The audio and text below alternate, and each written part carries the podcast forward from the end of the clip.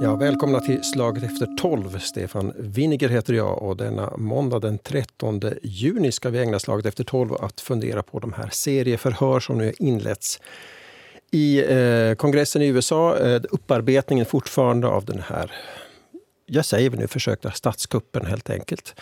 Eh, som skedde då när, när Joe Biden skulle, resultatet efter förra valet skulle slås fast och en folkmassa stormade då kongressen. Med mig i studion här har jag Andreas Elving som följer med det här mycket noga. Du är internationell sekreterare på SFP. Välkommen till Slaget efter 12. Tack. Och från Vasa har vi med oss statsvetaren Klaus Stolpe. Välkommen. Tack, tack. Åbo Akademi i Vasa arbetar du på och du skriver böcker om, om bland annat just detta. Välkommen till Slaget efter 12. Tusen tack. Det här eh, det här började i torsdags. De här förhören de ska fortsätta nu i eftermiddag. I torsdags tv-sändes det av väldigt många kanaler i USA på bästa sändningstid på kvällen. Så man hade väl hoppats då att, att man skulle servera kanske de här, det bästa man hade. Ungefär. Eh, Andreas Elving, vad, och man hoppas ju framförallt från Demokraterna hoppas att det här ska bli material som hindrar Donald Trump från att ställa upp ännu en gång i nästa presidentval 2024. Andreas Elving, vad, om du sammanfattar, vad, det, vad serverades nu? no, först måste vi konstatera att det gick ju på bästa sändningstid och, och alla, alla tv-kanaler eh, sände också dem direkt, förutom Fox News eh, som eh, är en sån här känt Trump-vänlig kanal som valde att inte, inte sända det. Och, och, och eh, det hade också goda tittarsiffror, de här, de här förhören. Så på det sättet lyckades man ju nog fånga, fånga väljarnas eh, intresse. Jag, jag, tycker nog att den här första Eh, första dagen också eh, gav väldigt tydliga svar. Man, man valde att, att, lyfta fram prominenta republikaner, sådana som stod Trump nära, som helt enkelt då förklarade att, att, eh, att Trump nog visste att valet hade gått rätt till. Det här, till exempel justitieminister Bill Barr sa att att han berättade åt Trump att, att, det, att de här försöken att påstå att det var, hade förekommit valfusk var, var liksom struntprat. Han använde ett, ett mera färggrant eh, ord. Eh, men också eh, Trumps dotter Ivanka sa att hon, hon delar den här uppfattningen och, och flera andra också. Trumps Trumps stabschef till exempel konstatera att det finns tydligen inga fog för de här, de här anklagelserna om ett valfusk. Och det här visste man alltså hela tiden. Och fortfarande så hävdar Trump att, att det har funnits valfusk. Så här har vi en tydlig sån här diskrepans som kanske då kan, kan leda till att, att eh, eventuellt någon inser att Trump faktiskt talar strunt. Mm. Klaus Stolpe, tittade du också eller läste du sammanfattningen här? Vad, vad, vad, tänkte du? Alltså jag har inte tittat på det där för att jag prioriterar jobb på sommarstugan, men att jag liksom följt med, går att följa med på många olika sätt. Men att eh, jag är bara att inflika det som, i det, eller vad heter det, hålla med om det som Andreas sa här, att men den här tidigare justitieministern William Barr så sa ju från början, alltså redan medan det där på, den cirkusen pågick, att, att eh, det, är inte, tar man ju sitt något, något, något det här bevis eller något sånt att med, för att det ska ha förekommit det där valfusket. Sen är det så att i det här fallet är ju då den här Ivanka Trump eh, mer intressant, att hon hänvisar då till att, att hon, hon litar på William Barr och då, och, och då är det så. Det som jag då om jag tillåter mig att gå ett steg längre så, så den är ju ganska, jag tycker den här kommittén som ska utreda det, så, eller det är inte bara jag som tycker det, men att den sammansättningen är ju väldigt konstig, så det blir väldigt svårt att övertyga trogna Trump-väljare eller Trump-sympatisörer om det hela, för att vi har alltså en situation med sju demokrater och två republikaner och det råkar då händelsevis vara två väldigt Trump-kritiska republikaner, så att det är ju på många håll så har man som dömt ut trovärdigheten från början, så att uh, den där sammansättningen den är ju den är lite konstig faktiskt. Samtidigt så tycker jag man måste konstatera ändå att Liz Cheney som då är, är, är republikan och, och och vice ordförande i, i, i, den här, i den här gruppen och också eh, skötte en stor del av snacket då förra, förra torsdagen. Så hon är nog, hon har, hon har, under sin tid i kongressen röstade hon med Trump nästan hela tiden. Att det var egentligen här i slutet sen som hon, hon bröt, eh, bröt med Trump eh, väldigt tydligt. Och visst hon,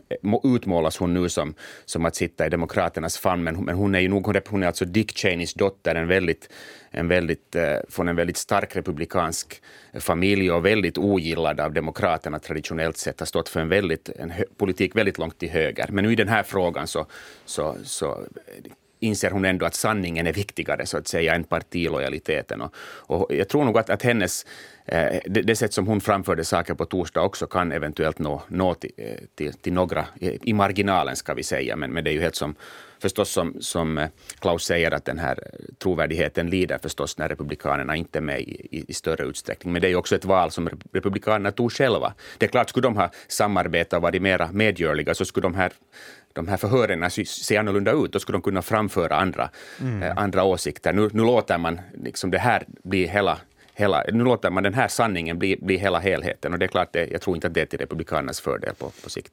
Nej, nej och, och just den här Cheney är ju onekligen väldigt väldigt intressant just på grund av, av det som du säger, hennes bakgrund och sen att det är ju inte frågan om någon sån som skulle vara på no, från den mer liberala sidan eller sånt, utan hon är ju, hon är ju alltså väldigt no, liksom konservativ republikan, men att just i det här fallet kring diskussionen om det där valresultatet så konstaterar hon att liksom, nu, nu, får det vara nog. Att det här, det här som köper jag inte. Och så. Men hon har ju betalat ett, ett väldigt dyrt politiskt pris för det också, för att hon hörde ju till de här mest prominenta republikanerna i representanthuset tidigare, men att hon har som blivit nog ganska effektivt degraderad och man försöker få bort henne från nomineringen där i till representanthuset och, och, så vidare. och så vidare. Så att det är nog en som, har, som det har blåst kring väldigt mycket. Hon har satt, hon har satt på något sätt det här, den här sanningen framför sin egen politiska karriär. Och det är ju väldigt ovanligt i, i amerikansk politik. Det finns många andra republikanska politiker som nog vet precis lika väl som Liz Cheney vad sanningen är, men som ändå väljer att, eh, att tiga. Så att, eh, jag tror att historien kommer nog att, att eh, hantera henne ganska, med ganska, eh, ge henne ganska goda papper, fast det som Klaus säger, att hon kämpar nu för sin politiska överlevnad. Hon ligger under ganska kraftigt i, mm. i den primärvalsprocess som pågår i, i Wyoming nu. Ja, hon får skriva en bok så, så klarar hon sig nog ekonomiskt i alla fall, sedan oberoende hur det går. För att det är ju onekligen att hon har ju seglat upp som en verkligt intressant personlighet här. Ja. Mm. Får, får jag ännu dröja mig kvar lite grann här vid, vid det här, det här förbereddes ju mycket noga. De har hållit massa förhör och man strödde ut så här rykten inför den här första, eh, första sittningen här i, i torsdags sen kväll finsk tid. Eh, natt till och med, ska jag säga. Eh, att, att man kommer att komma med riktigt tydliga bevis. Och det ska förvisso komma fler sådana här utfrågningar. Men, men tycker ni, har, har, ni, har ni sett att det här är något som får er att tro att det här är nu mer än bara någon som har hört och säga, någon som har sett något papper eller har menat och tyckt faktiskt. Alltså finns det något handgripligt här nu? Det som jag tycker är det handgripliga är det att, att det kommer nu tydligt fram att den här the big lie, alltså det att, att valet skulle ha varit riggat 2020, eh, att den, den, den lögnen är faktiskt en lögn och det tyckte alla och det, det visste alla och det, det, vet Trump. Och ändå håller han fortfarande idag på att påstå det. Och, och många republikaner, man kan väl säga alla republikaner som är tvungna att konfronteras med den frågan, måste uttrycka sig att det nog var något skumt med det där valet och att egentligen kanske Trump nog, nog vann, fast de alla vet att, att så inte är fallet. Så den frågan är tror jag nog de här, de här förhören som sänds, sänds i TV nu kan, kan ge svar på. Också eh, peka på det här samröret som fanns mellan, mellan Trump-kampanjen och det som Trump sa och det som, det som hände. Och de har nog, tycker jag, ganska skickligt redan i början eh, flätat samman en, en, en, berättelse som är, är ganska tydlig. Sen om det får någon konsekvens så det är nog en annan, en annan femma för, för eh, USA är nog så pass polariserat idag att man, man, man håller fast vid sin egen sanning ganska långt. Jo, alltså det, just det här sista kan jag ta fasta på, att USA är så pass polariserat så att den den här stora gruppen av republikaner som har bestämt sig för att det är på, på ett visst sätt, att, att, jo, att det var, var något fusk. Så det, det är nog svårt att nå fram till dem i och med att i den värld vi lever idag med liksom sociala medier och olika tv-kanaler, så du, du väljer den informationskanal som berättar det där som du själv vill, vill få bekräftat helt enkelt. Och då, då, då, då, då blir det, som folk är inte liksom riktigt neutrala och objektiva i sin, i sin ja, intagande av information helt enkelt. Så att, men, men då man nu har gått ut nu med ganska hög svansföring så att det blir ju på det viset intressant att följa, även om jag nu prioriterar annat här just i början av, av de här händelserna. Men att, men att det går ju att följa med på många olika sätt naturligtvis. Mm. De här första sändningarna var ju mitt i natten, Klaus, så du, jag tror inte att du jobbar på stugan, så du skulle ha kunnat följa ja, med. Ja, det skulle jag, men jag kanske skulle vara ganska trött. men, att, men att, jo, nej, det, är ju, det, det, det är ju helt sant. Men jag vet ju bara då det nu har varit någon sån här primärval eller något, något sådant, så då har ju gladeligen suttit uppe på natt, inte hela natten, men att jag har haft någon sån där inre klocka som har väckt mig och sagt att gå och lägg på TV.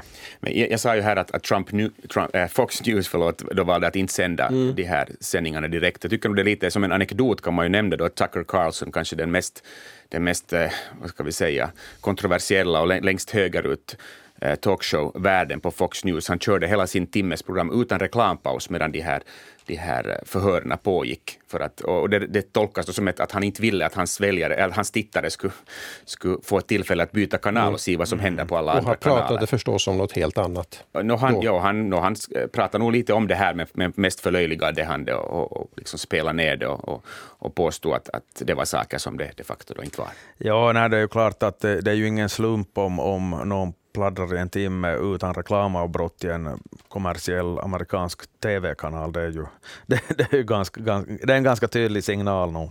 Mm.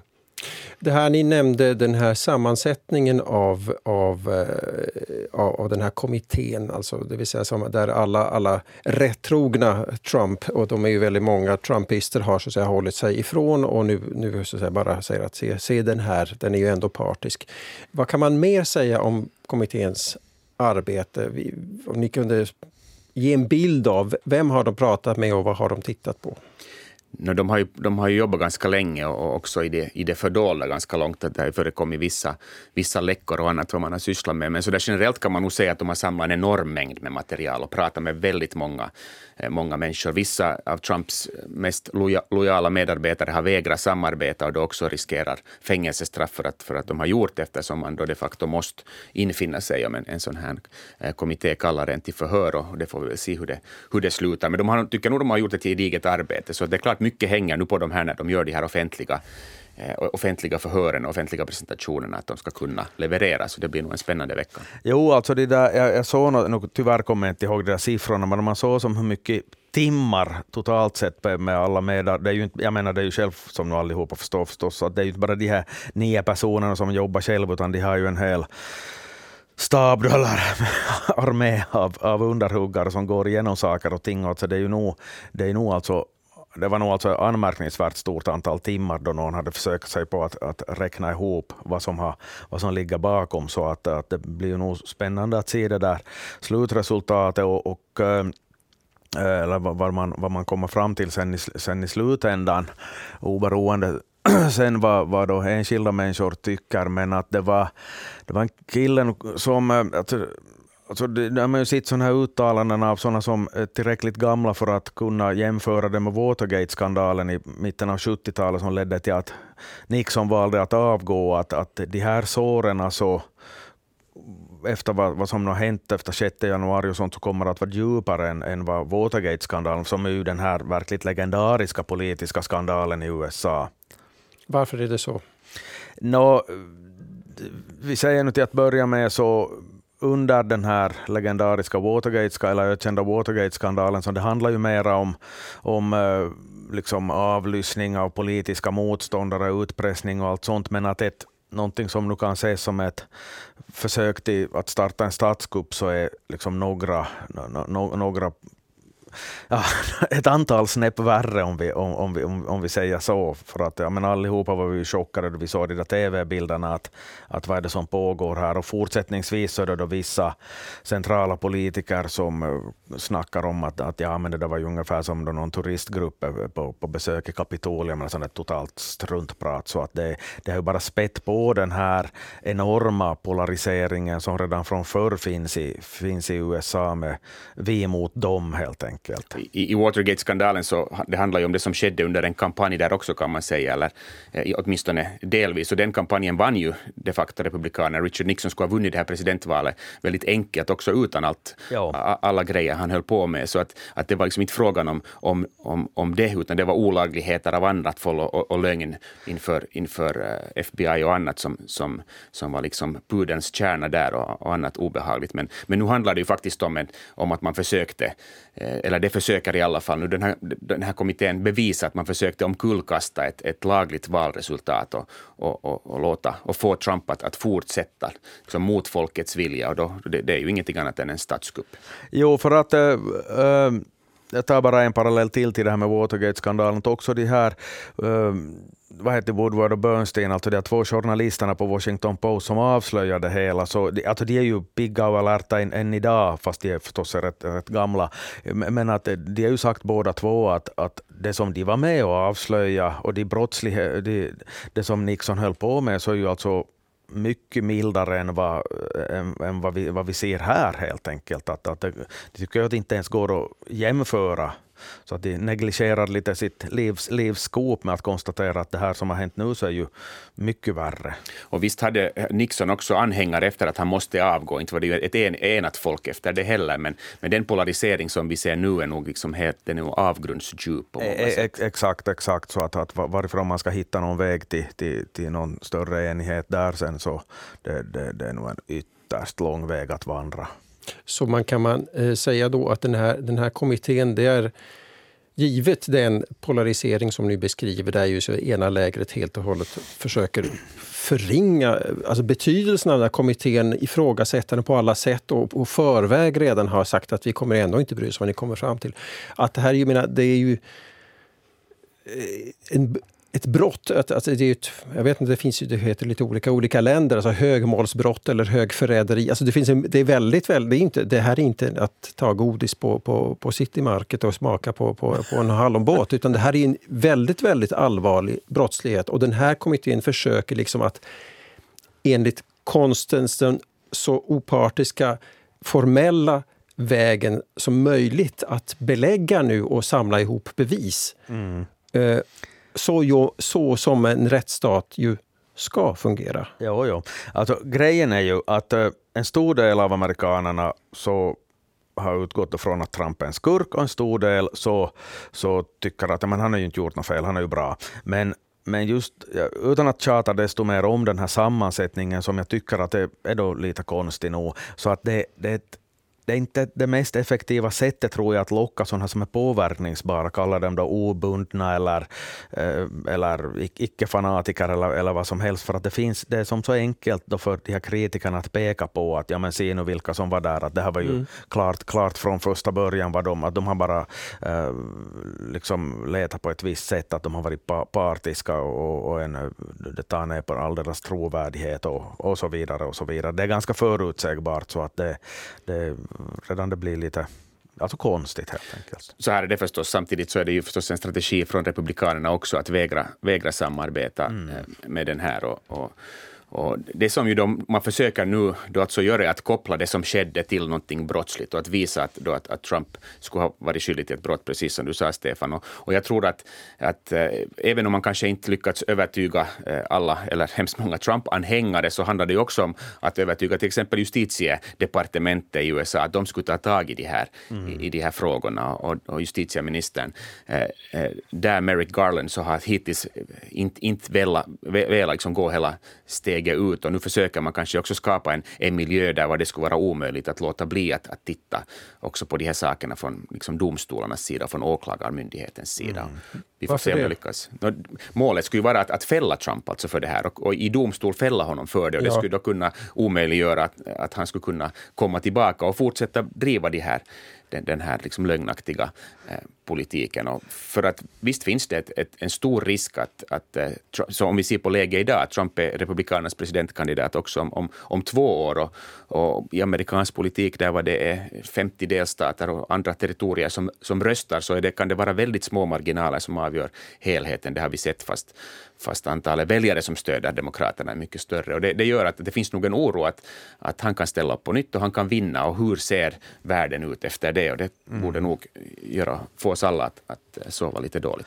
Ja, alltså nu är ju grejen då att äh, att om vi tänker på de som lyssnar på det här programmet, en del följer säkert med väldigt mycket och andra inte alls och kanske inte riktigt förstår vad vi babblar om här. Men att för att förklara det riktigt enkelt, så att det som du försöker reda ut här, att kring de här händelserna 6 januari, att vad visste Trump om de här planerna i förväg? Och i vilken utsträckning var han med och drev på det hela? Och i slutändan, vilket är hans ansvar? Är det han som är det här ansvariga för det hela? Och då kan han ju bli förbjudas att, att ställa upp 2024 helt enkelt. Mm. Och vad gjorde han medan det pågick är också en exakt, intressant exakt. fråga. Ja, precis. Och har vi, av det som har kommit fram hittills, har vi fått någon fingervisning om vad, hur det där bevisläget ser ut? Det är ju förstås lite i, i, i varje tittares, tittares eget öga. Det där, jag tycker att det är alldeles upp, uppenbart att man kan dra en sån här slutsats, men håller det sen i rätten är en annan fråga. Att visst, jag menar, man, man ser vad Trump säger, vad han twittrar, är det, kan man nu sen rakt koppla det till det som händer, fast man tycker att det finns en tydlig koppling. Men är den här kopplingen tillräckligt stark för att hålla juridiskt, är ju frågan. Mm. Exakt, exakt. Det här du sa, Klaus Stolpe, eh, det här att, att det, det, var inte optimalt att ha en sån här eh, kommitté av det här slaget. Hade det, ser du att det hade funnits alternativ då? Nej, alltså om man skulle haft en så att säga, om det skulle ha gått att få en, en mer partipolitiskt neutral för att, uh, sammansättning, så då, men det är ju klart att som Andreas väl var inne på här också, att vill, vill ens Republikanerna ha det för att det är ju bekvämt för dem att ha någonting också att, att peka på, att nu att, att det, där var ju, det, där var ju, det där var ju riggat. Så att, uh, Samtidigt så tror jag ju att efter, just precis efter 6 januari så fanns det nog ett momentum i USA att göra någonting, också bland republikanerna. Och det, det, är också många saker som nu kommer att, att visas på TV i de här, i de här, i de här tv-sända förhören, är hur republikanerna offentligt uttalar sig precis både när det hände och precis efteråt, där man alla var väldigt, där alla liksom var upprörda och, och gav också Trump skulden för det här. Och, man borde, eh, och, och genast efteråt så gjordes det ju också en sån här riksrättsprocess mot, mot Trump för att avsätta honom. Och det är klart att att där skulle det ha funnits eh, momentum att, att, eh, att snabbt få någonting gjort. Men när man drar ut på saker ja. och det går för mycket tid så finns det alltid utrymme att, att börja, börja mörka vattnen och så, så blir det som det blir. Ja, jag ser framför mig nu de här tv-scenerna från då, då, då de springer, då de tar skydd och de har förtroendevalet så hör man ju den här Mitt Romney, alltså den, den här ska vi säga, mest kända Trump-kritikern inom Republikanerna, att, att det var det här ni tiggde om helt enkelt. Man hör ganska tydligt att han, att han säger det och, och just momentum är ju ett, ett bra uttryck här. Att helt enkelt att då var det läge att, att att, att, ta avstånd och konstatera att, att jag tvättar händerna från, från den här skiten nu, men att ju, då inte hände någonting på, på, på direkten, för då tänkte man ju nog att, att, no, ja, men att, att nu, nu måste ju folk liksom börja vakna och ta ställning, men att i själva verket ändå då det då det, han, han lugnade ner sig och sa att ja, men inte, inte var det nog väl så farligt egentligen. Ja, det var farligt. Det var ju, alltså, det var ju helt bisarra bizarra tv-scener för att, att det pågick så jag började få, jag, jag, sa, jag hade inte på tv, men att, att det började komma telefonen började pipa och ha sig. Jag fick de mest konstiga meddelanden att är det någon statskupp på gång i USA? Jag bara sådär att va? Att, mm. tänkte att kanske, kanske jag borde liksom lägga på tvn, för det är, det är någonting som jag uppenbarligen missar här. Och sedan då så första man ser så är någon någon som ser ut som Roger Pontare som står i, i, i det här, uh, i talarstolen i senaten, alltså den där med buffelhornen. Roger Pontare, en svensk artist som brukar ha lite lustig klädsel ifall någon undrar. Men att det, det som sådär, va? Vad är det jag ser? Jag fick fundera lite på din parallell där, men jo, jag tror vi, vi minns nog alla den här var målad i ansiktet med buffelhorn ja, och päls. Ja, Qanon Shaman som han kallades, så han sitter för övrigt i fängelse nu och har också tagit avstånd från, från Trump. Märkligt nog att det är ju mycket av det som, som till exempel Kevin McCarthy, då republikanernas eh, majoritetsledare i, eller minoritetsledare i, i kongressen, som, som också nu är, är, har den posten fortfarande. Han sa genast efteråt att, att Trump var skyldig till det här. Trump bär en del av mm. skulden och nu, nu, måste vi ta avstånd. Så att, och det, finns, det var flera andra republikaner som gjorde likadant, för det var alldeles uppenbart ju då för dem i, i det som hände också vad, vad det var som hände på riktigt. Så. Men de har ju, många av dem har ju nu eh, tystnat Exakt. och ligger lågt Ja, om den ja, där ja, saken. Ja, ja. Men det är klart det blir knepigt när deras uttalanden nu kommer att spelas på, på tv om och om igen och de måste ta ställning till dem på sätt eller annat. Ja, det blir, det blir en ganska knepig situation för en del människor. Just den här Roger Pontare-kopian, så, så, så, så det här, han, han, var ju, han trodde ju också att han skulle bli benådad av Trump, eftersom presidenten kan ha rätt att benå, benåda folk. Så att, att han, han var ju väldigt förvånad att, va, måste jag liksom stå till svars för det här? Ja. När det gäller benådningar så finns det också en intressant aspekt att de, man sa då på torsdag kväll att flera republikanska kongressledamöter hade kontaktat Trump för att försöka bli be- benådade på, på grund av sin roll då i, i det här, i den här, det här försöket till statskupp. Så att det fanns nog, eh, nu, nu nekar de till det, men vi får se hurdana bevis som, som nu då kommer att läggas fram. Att det finns nog mycket spännande som väntar. En eh, figur som ju hade en central roll var ju vicepresident Mike Pence där, som i egenskap att han satt som ordförande i senaten där den här så att säga, fastställandet av det officiella valresultatet och därmed maktskiftet från Donald Trump till Joe Biden skulle äga rum. Eh, och det var ju han som avvisade det. Alltså Trump uppmanade ju honom väldigt tydligt att han borde nu se till att det här går som jag vill, eller om jag ska uttrycka den saken, det är i alla fall att, att ogiltigt på ett eller annat sätt. Och det gjorde ju sen inte Mike Pence, vilket gjorde ju till att det var det här stridsropet häng Mike Pence, som de stormade ju där. Det där har, har han figurerat här nu i, i de här första utfrågningarna? Och hans roll?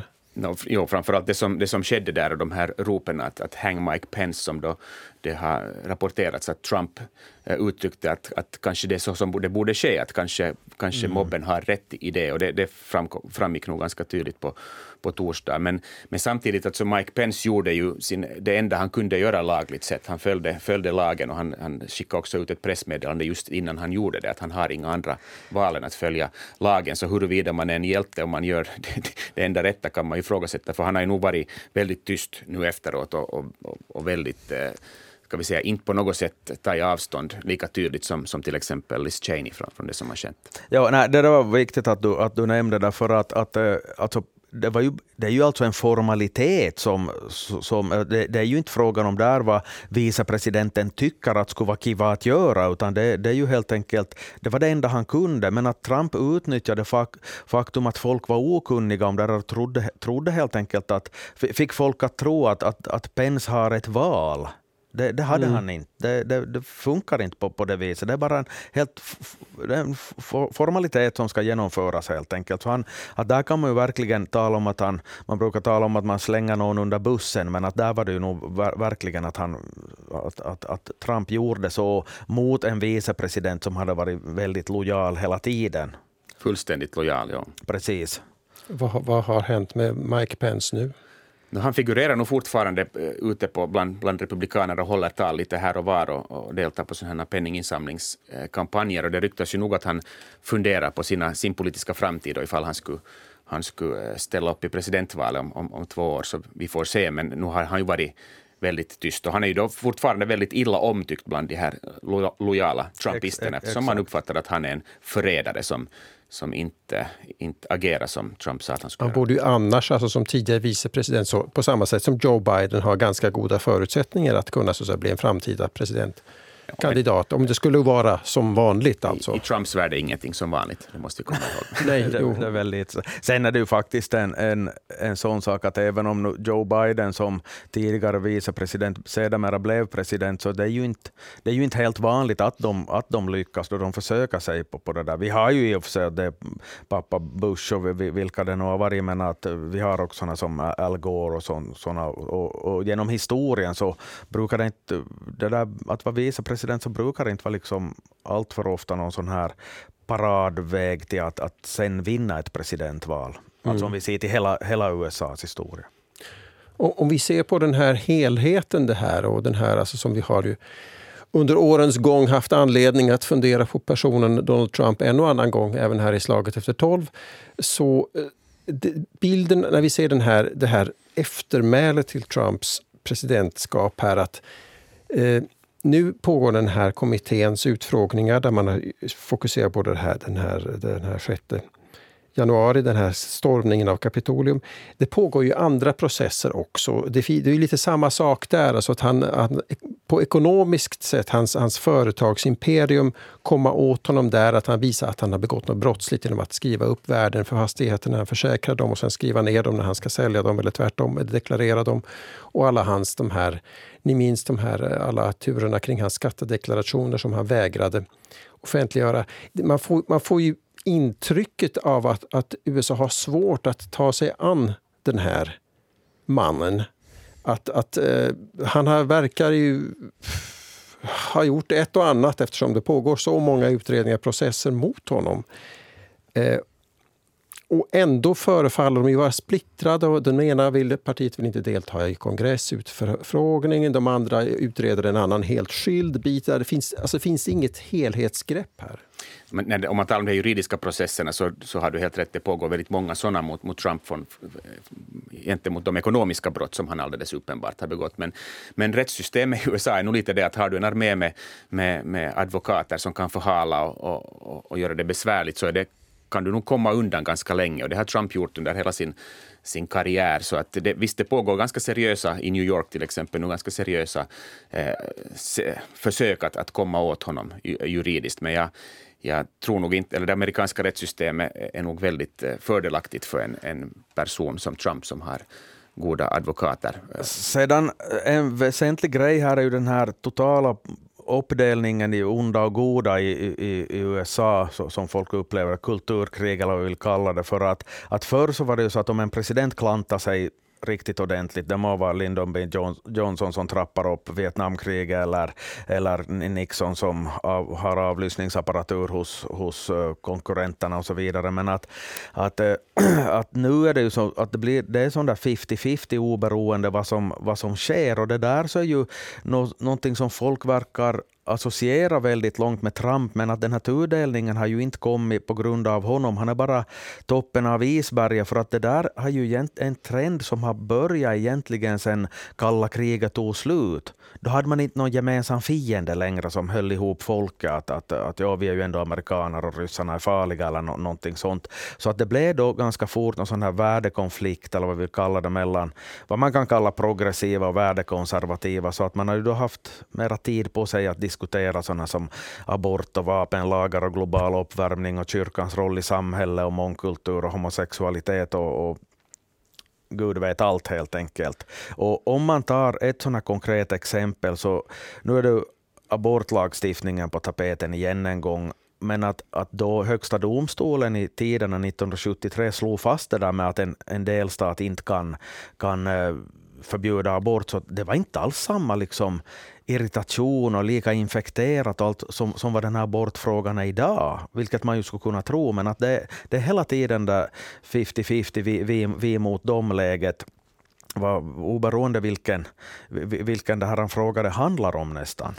Klaus, du är bra på, på valsystem och det är klart att det här tvåpartisystemet med, med liksom winner takes all-läge eh, i, i delstaten också, där var en, en person representerar alla, eh, leder till att, att, att det lönar sig att svartmåla motparten. Att om motparten vinner så, så går vi under. Och det är klart under tid har det här har det här systemet förädlats till, till sin spets i, USA och, just nu är nog, är nog det ganska jobbigt ja, att se Jag menar, de har ju haft samma valsystem hela tiden, men man sitter som så mycket tydligare från helt enkelt 90-talet och, och, och, framåt. Att man, och, och förstås de är ökat utbud av massmediekanaler och sociala medier och sånt, så du, du liksom tar del av de, den rapportering som understöder de tankar du har från förr och, och, och liksom istället för att orka lyssna på vad motparten har att, har att säga. Så att det, det där är, att det, det, det liksom har blivit en sån här... Folk lever i sin egen bubbla och har, alla har sin egen sanning.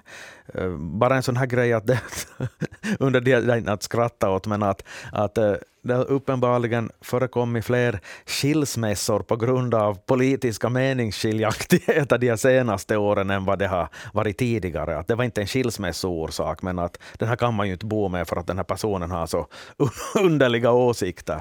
det, det är det skrämmande situationen i samhället också, att, att, att man har liksom ingen acceptans för det andra partiet. Att tänka sig att, att man liksom umgås med, med, med demokrater om man är republikan så är helt otänkbart. Och det, liksom, allt späder på det här, det här eländet vi ser. Mm. Sen tycker jag nog vi måste, det, det som vi ser i Ryssland till exempel idag och den liksom, propaganda som Putin för fram gällande det som händer i Ukraina, det, vi kan ju se att, att det bara är lögner som förs fram, men det är lite samma dynamik där som, som finns i USA också. Man har dessvärre nog tagit lite lärdom av varandra eh, där också och det, det är nog eh, på det viset skrämmande tider. Och Donald Trump ja, var en stor beundrare av Vladimir Putin, ska vi också komma ja, ihåg. Det... Det där, att, ja, det där olika åsikter är ju svårt och när man ska gifta sig. Det, man kan ju fråga i förväg, här, så här små äktenskapsrådgivning här i slaget efter tolv. Eh, Ännu hörni, det här eh, innan vi skiljs åt här. Den här kommittén arbetar nu eh, när, i ett läge när Demokraterna har majoritet i representanthuset. Det vill säga alltså kan, ha, så säga, kan, kan avstyra alla försök att, att avsätta eller avsluta kommittén. Om den här majoriteten försvinner i höst när det är parlamentsval i USA, de här så kallade midterms. Eh, vad händer då? Ja, det, sannolikheten är väldigt stor att Republikanerna tar över i, i, i representanthuset och då blir det nog en cirkus utan like kan jag lova då från januari eh, 2023 när de tillträder. Eh, och, och, det är klart att den här kommittén kommer inte att, inte att fortsätta så länge. Nej, det, det, det, det är nog så. Det, det är mycket som tyder på att Republikanerna tar över då framförallt representanthuset, men kanske också senaten. Och då, då har ju nog Biden inte någon no riktig sötebrödsdagar de här två åren som är kvar sen till, till, till, nästa, till nästa val. Och då kommer alltså de att lägga ner den här kommittén i princip. Så det, alltså, det måste, det måste ursäkta, det måste se till att leverera här ganska Absolut. före det här jo, valet. Jo, alltså. jo, jo, jo. Och det finns ju de som säger att, att tajmingen är också gjord nu för, som ett desperat försök för Demokraterna att rädda mellanårsvalet på något sätt. För att det ser ju nog ekonomiska och andra tecken i USA eh, tyder på att, att det kommer att gå dåligt för, för eh, Demokraterna och det är klart att man försöker göra allt för att, att rädda vad som räddas kan. Ja, absolut, och det där förs ju fram också av Republikanerna, att det är bara på grund av, av, av att ni klarar, klarar er så dåligt att sköta inflation och, och så vidare som, som, som ni har dragit igång det här, att det är bara ett politiskt trick helt enkelt för att avleda uppmärksamheten från att, att ni är så värdelösa.